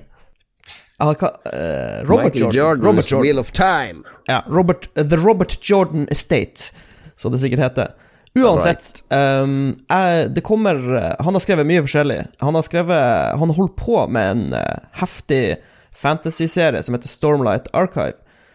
Eh, og der kommer det en ny bok i november, så jeg holder på å lese den serien på nytt igjen for å refreshe. Men det er ikke det jeg skal anbefale, fordi jeg føler det blir feil å anbefale en sånn uh, fantasy-serie som er ongoing, fordi liksom Du kan ikke lese den ferdig, ikke sant, så da føler jeg det blir feil å anbefale den. Men da tenkte jeg, da kan jeg heller anbefale en serie som han har skrevet ferdig, som også er veldig bra. Men hva er det du sier nå? Det går ikke an å anbefale Ja. Game of Jeg stusser Thrones-bokserien? også Fordi den er ikke, over- den er ikke ferdig skrevet! Forkansel, ikke les dette! Ja, men jeg tenker Fordi eh, det har litt med situasjonen jeg er i nå, ikke sant? Fordi jeg leste det kom, De første bøkene kom ut i 2010, og da Ja. leste begynte jeg å lese det. Og så nå kommer det en ny bok. Eh, Bok fire kommer nå i november 2020. Og så sleit jeg litt med å huske findetaljene. Jeg husker at jeg Ja, likte det det veldig godt. problem. Men det her gjelder jo TV-serier òg, da. Man kan jo, Jo da, se en men- sesong uten å Nei, vent til alle sesonger er Jo, men eh, vent, la meg forklare. Ja. Så i stedet for at folk går i uh, den situasjonen jeg er i nå, så kan de heller For at han har ikke sant, han har flere produkter, og det ene er ferdig. Så da tenkte jeg da er det bedre å anbefale det ferdige produktet, som er tre bøker. Supersmidig, og eh, noe man absolutt burde lese hvis man liker fantasy. Men fins det ikke sånn ekstraserie òg i samme Mistborn-universet? Eller alt han skriver, er vel i det samme universet, egentlig? Ja, Han har, sånn her, eh, han har et sånn gigantisk univers, univers som heter Cosmere, som liksom er hvor alt foregår. Og så er, er det forskjellige realms, ikke sant, hvor de forskjellige bøkene tar plass. Men Men kan dere ikke bare løse dette med å ha sånn preface-kapittel der du går gjennom alt det viktige som skjedde i de tre forrige bøkene, Ja, liksom? det burde de gjøre. Hvorfor gjør ikke de jo, de de Ja. burde hatt det sånn previously on bla, ja, bla, Ja, det er jo easy fix. Eller lage en YouTube-video på fem minutter med Men- men en behagelig stemme altså, og illustrasjoner som nu, forklarer nu, alt som har skjedd. nå- angrer jeg veldig på at jeg prøvde å forklare På Liel liksom backstory til anbefalingen, mi. jeg jeg angrer voldsomt. Kan vi spole tilbake, og så Ja. anbefaler jeg heller en, en trilogi av Brandon Sanderson? men uansett, ok. eh, alle bøkene til Brandon Sanderson er bra, eh, men eh, alle seriene er ikke ferdig, så der, der vil jeg anbefale en, uh, trilogi. Hvorfor vil du ikke anbefale de andre seriene, Mats? Jo, alle er bra, alle er bra, men den jeg vil trekke fram i lyset eh, og anbefale til lytterne våre, er Mistborn-serien. Den første boka heter The Final Empire, eh, og det, det, um, serien er delt opp i to, to eh, eras. eh, en Det æra. den mest kompliserte anbefalinger jeg har hørt i mitt liv. Det her. Ja, okay, ok, det er to tidslinjer, ikke sant? Eh, og den første tidslinja er ferdig. Den, tidslinje én er skrevet ferdig. Det er tre bøker. Eh, og den første boka heter The Final Empire. Det er litt komplisert, ok? Jeg innrømmer det. Det er litt komplisert. Det er komplisert, folkens. Men første, de første tre bøkene, det er, det er historie som står på egne bein. Eh, du trenger ikke å lese noe annet. Det fungerer helt eget Det fungerer på sitt eget vis. Og grunnen til at jeg liker de bøkene her, må, vi jo nevne Uh, han Brandon Sanderson han er, han er veldig god på worldbuilding. Han, han lager en verden uh, med interessante karakterer, og så kopierer han ikke bare verden som vi kjenner den. Han har alltid noen sånn interessante, eksotiske elementer som gjør at den er drastisk annerledes fra vår verden. Uh, og så er han også god på å lage nesten, jeg, jeg mistenker han har spilt mye rollespill, for han lager Han lager alltid systemer for eh, egenskapene til karakterene. For eksempel, hvis de kan eh, hvis, de har, hvis de kan magi, så er det et system til den magien. Sånn et, et strikt system som du må følge. Så det er liksom ikke sånn eh, Folk er ikke guder bare fordi de kan, kan litt magi. De har begrensninger. Det, det er regler til alt. Og det syns jeg er utrolig artig, for da føler du Da liksom kan du nesten se det for deg som et spill, eller Ja, jeg vet ikke. Det, jeg syns bare det er kult.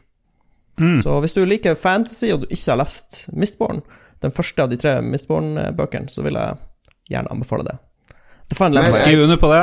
Veldig bra greier. Er ikke The Ally of Law Det er jo en oppfølger til trilogien. Hvorfor er ikke den en del av Nei, serien? altså um, Nei, altså The Ally of Law eh, De tre første bøkene i Mistborn-serien, Ja. uh, det, det tar plass lenge før de bøkene som kommer senere. Det deles opp i to eras. Okay, Eh, og de tre første bøkene, det er, tro meg, det er helt eh, det, De er en egen boble. Det, alt det som Alt det andre i Mistborn-universet er på noe som kommer etterpå, uten yeah. å røpe for mye. Han er jo også veldig kjent for å ha innført eh, hard magic og soft magic-system. er det sånn som i porno? Altså hard porno og myk porno? Er det en god sammenligning? Jeg tror Jeg vet ikke. Jeg, kan, jeg vet ikke hva, det mener, hva som menes med det. Jeg er bare, jeg er bare på Wikipediaen til denne mannen. Jeg syns også det Ja. er kjempekult at han faktisk har laga en bok basert på IOS-spillet Infinity Blade. Har han skrevet en bok Ja, det kan du se. Nei, han har skrevet mye kult. Eh, Og det som er kult med Brandon Sanderson, er at han Jeg tror han er litt som han, han er litt sånn arbeidshest, så jeg tror han skriver, jeg tror han skriver litt hver dag. Så det stopper liksom aldri opp, og så Ja. pumper han bare ut bøker. Så jeg tror ikke du blir skuffa på samme måte hvis du begynner å lese de som har begynt å lese Kingkiller og Game of Thrones og sitter og venter på fortsettelsen. Jeg tror at han, hans bøker kommer faktisk ut. Ja, jeg lurer på en ting, men jeg har helt slutta å lese fantasy, fordi det, jeg klarer ikke å bli grepet av noe av det. Uh, det kanskje Ja, det er er helt blitt voksen og kjedelig. Men det som jeg, har mest problemer med disse store universene og disse bøkene Disse seriene som skal være sånn fire, fem, seks, sju, åtte bøker i samme univers i rekkefølge Hvorfor gjør ikke flere sånn som Terry Pratchett, der du kan plukke opp hvilken som helst Discworld-bok og lese den? Ja, det foregår i samme univers, men du trenger ikke å passe på eh, at du husker det som var i den forrige boka, eller de tre forrige bøkene, eller et eller annet. Det er bare dykk ned i dette universet på Jo, helt det, forskjellige eh, steder. Mist- Mistborn går absolutt under det du nevner der. Ja, Ja. det, du kan lese det i hvilken som helst rekkefølge. Ja, altså De tre første bøkene må du jo lese etter hverandre. Men som du sier, det fins flere bøker i Mistborn-serien. Men Ja, ja, ja, men fins det, bare de tre- er det- det er bare de tre første bøkene som henger sånn? sammen. Ja. Så det, det er, det, er det etablert i andre Dere som kan fantasy-universet bedre, er det andre enn Discworld som Jo, er altså, så litt- fritt at du bare kan plukke opp en hvilken som helst Ja, bok? men det, eh, Culture-serien eh, til han Ja, det, det stemmer. Der har jeg lest flere. Men, men jeg, jeg tror at, i hvert fall for min del, grunnen til at jeg liker å lese sånne episke fantasy-serier, er fordi det er jo nettopp fordi de henger sammen. For det er en sånn absurd lang Altså, det er en saga, ikke sant? Og det vil du jo ikke få hvis du deler det opp i masse enkeltbøker. Jeg vil ha en saga. Jeg vil ha der er starten, og så der er slutten, og det er en ugjenkjennelig, for de har vært gjennom en så lang reise, gjennom så Ja. mange bøker, at det har endra seg så mye. det er Men jo det som er appellen. eh, den mest banebrytende fantasyforfatteren, og her lanserer han en idé, nå kan en fantasyforfatter kaste på den her. Du skriver fire bøker fra ditt univers, og så kan de leses i hvilken som helst rekkefølge, og så vil du sitte igjen med en veldig forskjellig oppfatning av hva som skjedde, avhengig av hvordan order du leste det i. Går det Ja, an å skrive? Går det an å skrive? Uh, det, det, det finnes uh, Den serien heter Malazan Book of the Fallen, og det er ti bøker. Ja. Wow. Ja, det må jeg sjekke ut det. Det syns jeg er interessant. Altså, det, eh, Malazan Book of the Fallen er eh, veldig sånn her litt, litt for komplisert, men veldig bra, og den hopper veldig mye frem og tilbake, og det er forskjellige karakterer du ser eh, derfra. Da var anbefalingen klar. Honor Arrington-serien. Om noe det eneste jeg fikk med meg der, var noe sånn hest- og kjerreromskip. n- øh, 900 år, et eller annet. Noe sci-fi. Altså fantasy, så kan du gå for Mistborn-serien til Brandon Sanderson. Og hvis bøker ikke er noe for deg, men du har en venn du vil spille brettspill med, sjekk ut Airland and Sea. Genialt. eh, enkelt, men ganske komplisert brettspill.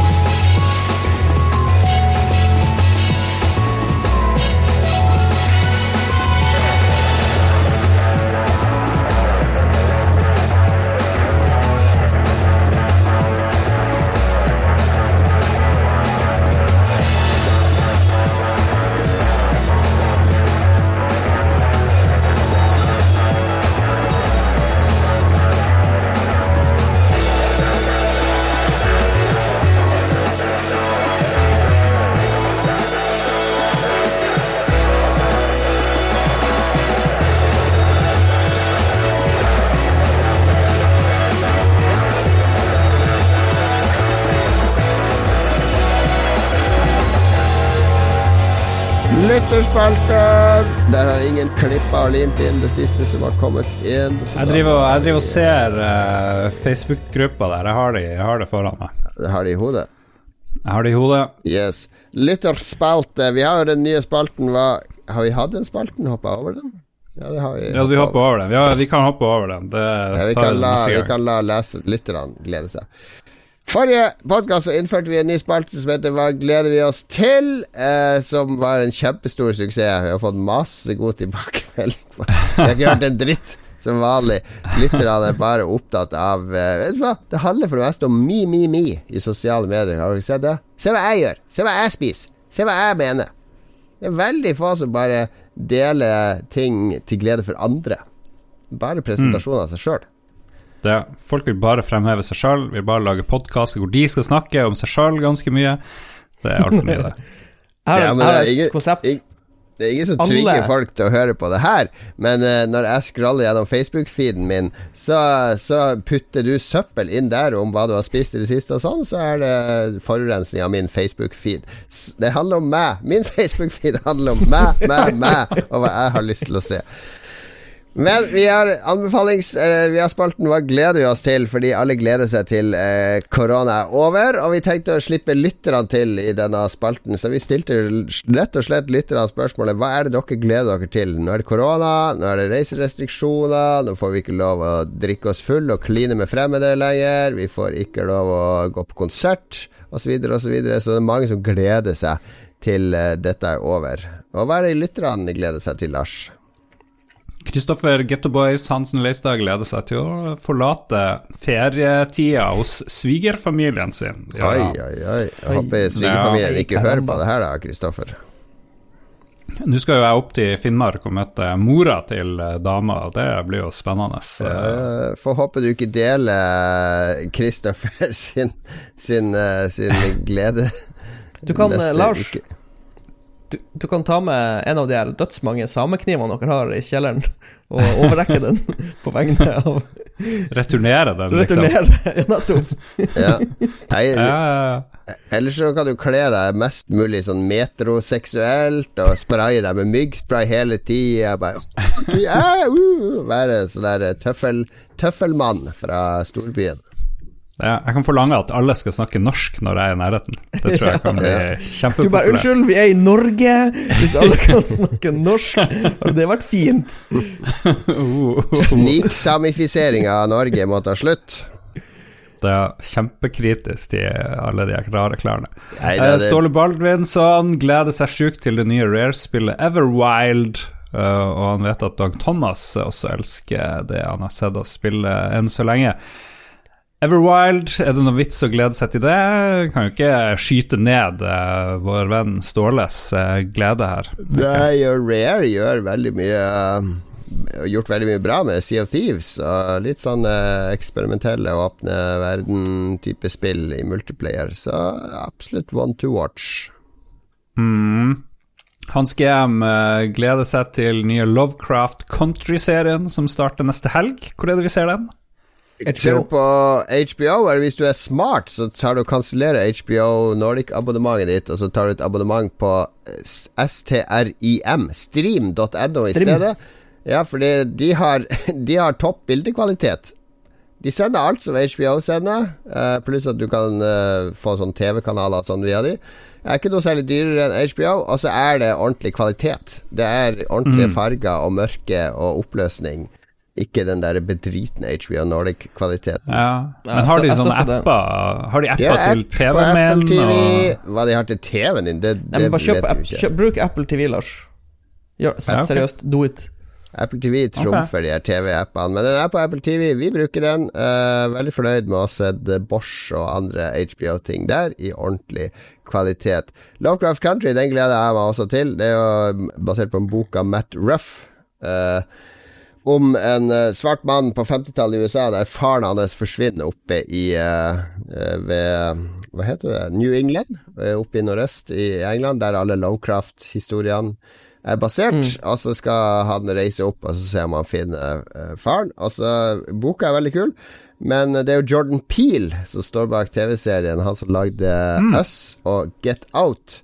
Originale, artige, spenstige skrekkfilmer. Så dette kan bli bra. Ja. Ja. Jeg, Jo da, jeg leste også den boka. Det er jo en novelle Jeg vet ikke, det passer perfekt til å bli TV-serie, da. Ja, fordi det er masse sånne forskjellige historier med sånne Haunted House og om uh, eh, et, Ja, eh, forskjellige karakterer og historier, så jeg tror det kan bli en bra TV-serie. Carl Mamilic Pedersen, drister jeg meg til å uttale det sånn, gleder seg til å se mer om FIF21. Jeg tipper det er Fifa 21, eller kan det være noe annet der? Cyberpunk og Flight Simulator kommer sånn når det kommer, sier han. Ok? Um, han gleder seg til de tingene. Cyberpunk, det har jeg glemt av. Når kommer det? Neste år? November? Ja, november Ah. tror jeg nyeste datoen er. Jeg håper, jeg tror dere de har laga Xbox eh, Series X og PlayStation 5-utgaver Ja. allerede? Ja. 100 Hmm. Det var jo Du får det jo Du får det vel på next gen-konsoll hvis du kjøper det på current. Altså. Next Gen-konsollene er vel kanskje ikke ute når spillet lanseres. Nei, det spørs. Men du får, du får hvis, du, hvis du kjøper det på PlayStation 4, så får du det på PlayStation 5 også. Ja, ja, kult. Ja. I like it. Roar Granevang gleder seg til Jon Cato starter i kommunen og kan ta opp igjen Trololol-spalten sammen med Level Up-folka. Har, har du en annonsering der? Eh, nei, ingen kommentar. Nei, det er bare Da er jeg ikke inhabil lenger, så da kan jeg jo uh, gjøre Gjøre Det er så mange av disse spillmediene som er så opptatt av eh, eh, å følge Vær varsom-plakaten og være redaksjonelt etterrettelig, som jo er bra. Ja, Men du kan jo mene hva du vil, selv om du jobber i et spillselskap, så jeg skjønner ikke Ja, helt, selvfølgelig. eh, Det er jo hele fundamentet for det vi gjør i Lolbua og Spillrevyen og alt sånt, er jo at det er jo opp til lytterne om de vil stole på det jeg sier. Uh, om jeg uh, bare snakker pent om uh, Valve og Steam og sånn, men jeg gjør jo ikke det, selv om jeg har Nei. produkter som jeg selger der. Så jeg mener jo at Altså, redaktøren er jo den som er sist jeg, Nå blir det veldig sånn medieteknisk. Vi bør ikke være så medietekniske. Lars. Ja, ja, ja. Men spillmedia er veldig opptatt av å være etterrettelig og ha sitt på det tørre, fordi de vil jeg tror de vil være en kontrast til alle youtubere og sånne influencers som helt ukritisk omfavner hva enn det skal være innen gaming, bare de får penger for det. Så, så Ja. derfor har det blitt eh, sånn, er mitt inntrykk, at spillmedia prøver veldig å verne om at her er det faktisk eh, Vi er helt uavhengige og har ingen bindinger og sånne ting. Ja, ja, ok, vi hopper over det misforståtte opplegget. Eh, Harald Helge Larsen gleder seg til vi er helt ferdig med korona, og det kan jeg skrive under på. Holy shit, jeg begynner å bli lei, og tror vi blir å holde på med korona til eh, ja, 2030. Jeg vet ikke, blir å gå lang tid. Jeg tror Ja. aldri, Jeg tror vi blir helt den, ferdig. den, eh, den maraton, det er ikke en sprint, kan vi vel si. Ja, ja, Ja. ja. Og så hopper det over han Per Anders, som gleder seg til ungene blir så store at de flytter hjemmefra. Ja, er du enig der, Jon Cato? Det blir jo litt stille, da. Det er litt kjedelig når det ikke er noe liv i huset. Ja, det er jo det er fordeler og ulemper med alt. Mitt råd er bare å nyte den tida som er nå, fordi den kommer aldri tilbake. Men det er klart jeg også blir sliten av å ha unger, og så syns jeg det er helt legitimt. Det må være lov å si sånne ting, at man blir utslitt av unger, eller at man setter pris på å være barnefri og sånn, uten at man skal fremstilles som en dårlig forelder, eller noe sånt. Men uh, i, i dagens samfunn så skal liksom alt være perfekt hele tida, og familielykken skal være der hele tida og sånn. Men sånn, sånn er ikke virkeligheten. Er vi ferdige? Det er ferdig. Vi kan avslutte episoden. Uh, 318 er i boks. Uh, vi vil gjerne høre hva dere syns om uh, Gullbua, denne store pappeska full av kassetter med tidsdokument fra hvordan det var i 1980. Eh, om dere gleder dere til mer. Tanken er at vi skal spille av én kassett hver måned, som da er fra den aktuelle måneden for 40 år siden. Så det blir veldig gøy å følge med da om om f.eks. to år, når Commodore 64 kommer. Håper de snakker om det når den kommer, og Commodore 64-spill hver måned. Nintendo 8-bit. Og Det blir artig å følge utviklinga over de neste 20-30 årene. Kunne jo være en egen podkast, nesten, men jeg tror ikke vi gidder det, liksom. Jeg har vært inne på tanken på å lage en Patrion only-podkast som distribueres kun på kassett. Verdens mest eksklusive podkast som du må betale for på Patrion for å få et brev, konvolutt i posten med en kassett. Oh. Jeg tenker For at det skulle vært realistisk, så burde man også hatt snakka bare østlandsdialekt på alle kassettene. Det òg. Det òg. Ok, vi avslutter her. La oss takke våre produsenter, Mats. Ja, vi har fått en ny Patron. Det har kanskje dere nevnt allerede, da. Men vi Oh, har yeah. selvfølgelig Anne Beth, Kobelkar84, TTMXMP, Rolf Helge Ingebrigtsen og Sonicon. Den Sonica. eh, for meg nye produsenten. Det er veldig takknemlig for det. Sonicon, kjernekar over de fleste andre her i verden. Bedre menneske, mer penere. Med en gang du blir produsent, Raskere. så får du pluss to i karisma og andre stat-boosts. Får en legendary våpen.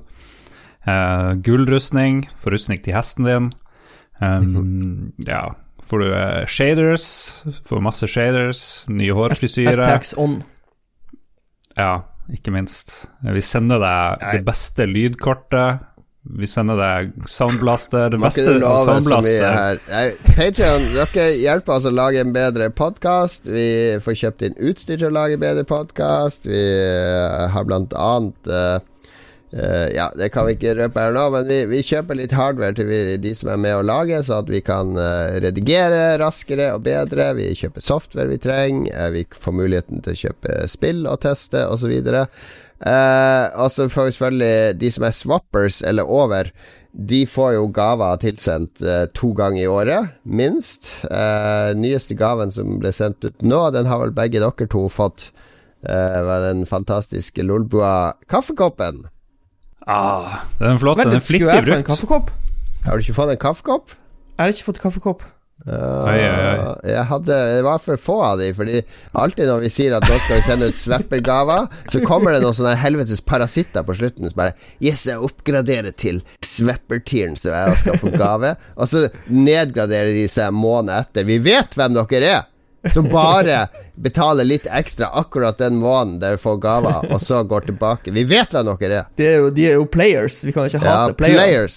Og det, det, det blir en sånn spesialsvappergave til de neste gang. Jeg har tatt vare på Dag Thomas. Han driver og bæsjer nå inn i sånn sølvfolie som han pakker inn og fryser ned. Så da skal vi tine de opp og så putte i konvolutter og sende til disse leech-swapperne som bare er med en måned for å få en liten gave i posten. Det er de dedikerte som får de gode gavene. Men eh, kaffekoppen, sorry hvis du ikke fikk Mats. Jeg måtte droppe et par i redaksjonen for å få nok til alle lytterne du har fått da, Lars. Ja, ja, ja, jeg er veldig fornøyd. Og Mats kan få komme og drikke av kaffekoppen. Ja, Ja, kan ja. Jeg og Lars kan dele. Er det Ja, den du du, tar frem når din, når din mor er på besøk, så gir du henne den kaffekoppen? Jeg passer på å gi den til kjæresten hele tida, i hvert fall. Ja. Hun liker å drikke av uh, Fordi den kaffekoppen er jo bilde av anus til Ikke anus, da, men det er en naken Det er to nakne Rumpa. redaksjonsmedlemmer som ligger på baderomsgulvet og spiller Nintendo Switch. Yes, det er, det er erotisk. Høyverdig erotikk. Ja, en fin kaffekopp. Det kan du altså få hvis du blir swapper. Men eh, støtt oss, så blir det bedre podkast. vi bruker pengene på podkasting på å gjøre denne podkasten bedre. That's it. Vi sier takk for oss, og så høres vi igjen om en uke. Du drar på ferie, Lars. Jeg må finne vikar. Ja, du må finne vikar neste gang. Ja, da, da skal det bli noen knallepisoder uten uh, samenes trompet. Ja, det gleder jeg meg til å høre. Skal du ta med deg den der uh, Femi-barten din på ferie? Nei, jeg har, hvis du ser nøye etter, så har jeg barbert Den er borte. bort. Det er Ja, den er gone. Torde du ikke å møte svigermor med den barten? Den begynte å bli litt sånn unwieldy, den der barten. Og så skulle jeg liksom prøve å stusse den litt i går, men så ble det bare Hitler-bart til slutt. Og så tenkte jeg ja, ja, da fjerner vi hele da greia. ryker han. Ja, ja, Ja, ja. da. Altså, hvis vi sl Du burde jo ha Vi må jo ta Hitler-barten tilbake. Vi, vi kan ikke la Hitler vinne. Ja, men hva er den så fin? Det er jo Charlie Chaplin og Hitler. Det var Chaplin og andre Hitler hadde den. Ja, men det Ja. var mange andre som hadde den også, de var bare ikke kjent. Hmm. Det var jo er en sånn soul patch under nesa, på et Ja. vis. Ja. Nei, jeg overlater det til noen andre å ta tilbake Hitler-barten. Ok, vi får stoppe der. Vi blir så giddy, giggly på slutten. Musikken vi har spilt i denne sendinga, må vi ta her på slutten. Først og fremst stor takk til uh, den svenske musikeren Go280. Uh, de tre første låtene i podkasten er fra hans nye plate 80864-2, der han blander en 808 synthesizer med Commodore 64 sin lydchip. Du finner han på Bandcamp, uh, go280 bandcamp.com og sjekk ut hans musikk der. Eh, så hørte du Super Mario Bros 2 Birdos Revenge remix av Caesar Machine. Eh, eh, den finner på Overclocked Remix. Eh, så var det Shotgun Kiss fra F-Zero GX. Og til slutt, i bakgrunnen her, Engineering fra System Shock 2. Wop, wop. Takk for oss. Ha det bra. Ha det bra.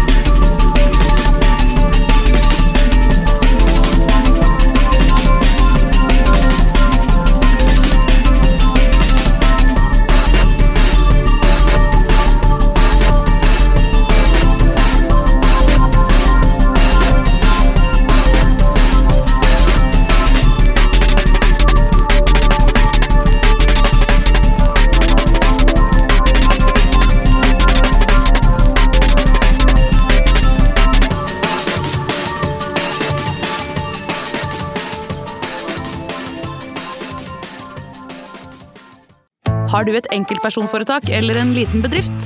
Da er du sikkert lei av å høre meg snakke om hvor enkelt det er med kvitteringer og bilag i fiken, så vi eh, gir oss her, vi. Fordi vi liker enkelt. Fiken superenkelt regnskap.